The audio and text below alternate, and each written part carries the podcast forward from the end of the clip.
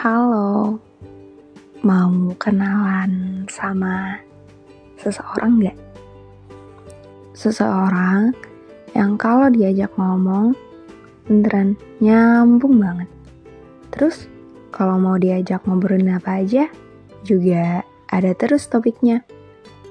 Yang kalau sama dia kamu nggak perlu kebingungan mau bahas apa karena dia punya seribu topik pembahasan yang kalau kamu ajak serius atau bercanda juga oke. Okay.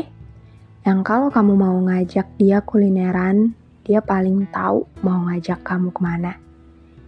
Dia punya banyak rekomendasi makanan enak. Kamu nggak akan bingung dan nggak perlu takut buat bilang terserah. Karena sebelum kamu jawab itu, dia udah tahu mau ngajak kamu ke mana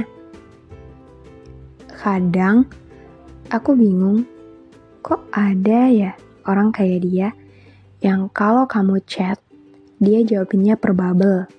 Yang kalau kamu cerita, dia paling paham posisi kamu gimana. Dia beneran semenenangkan itu. Pembawaannya santai banget.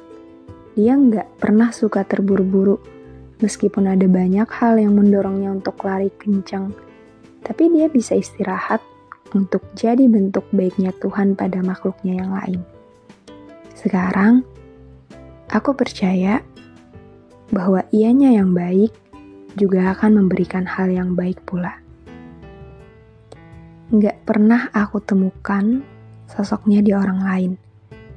Kamu harus kenal senyum tulusnya dia, outfit santainya, yang sekarang lagi gincar banget beli warna-warna basic untuk tujuan hidup minimalisnya. Nggak pernah aku temui orang yang sepunya tujuan itu dalam hidupnya. Karena hidupnya sangat kelihatan rapi, dalam rapuhnya yang luar biasa. Sama dia, kamu nggak perlu takut beda pandangan karena dia punya sudut pandang yang berbeda. Dia punya banyak sudut pandang karena kamu harus tahu, buku adalah dunianya. Kamu harus tahu istimewanya dia, karena sosoknya tersembunyi.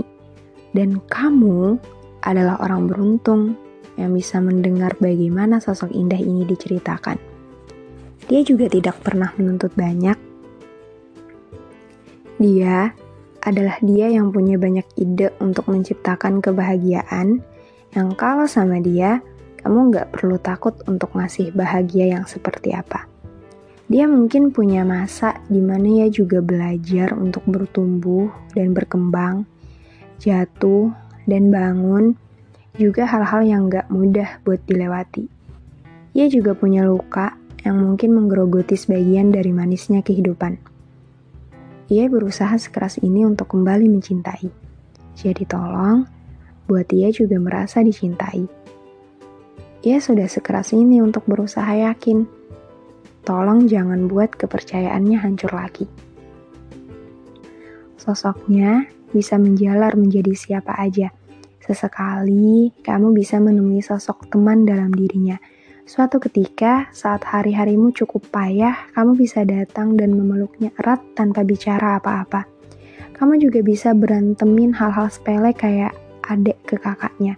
Kamu juga bisa ajak dia diskusi tentang hal-hal yang mengganggu pikiran, hal random, juga sebuah validasi untuk perasaan. Ia tumbuh dari hal-hal yang tidak enak didengar, dari hal-hal yang keras juga tandus. Tapi, entah kenapa, hatinya tidak pernah benar-benar mati.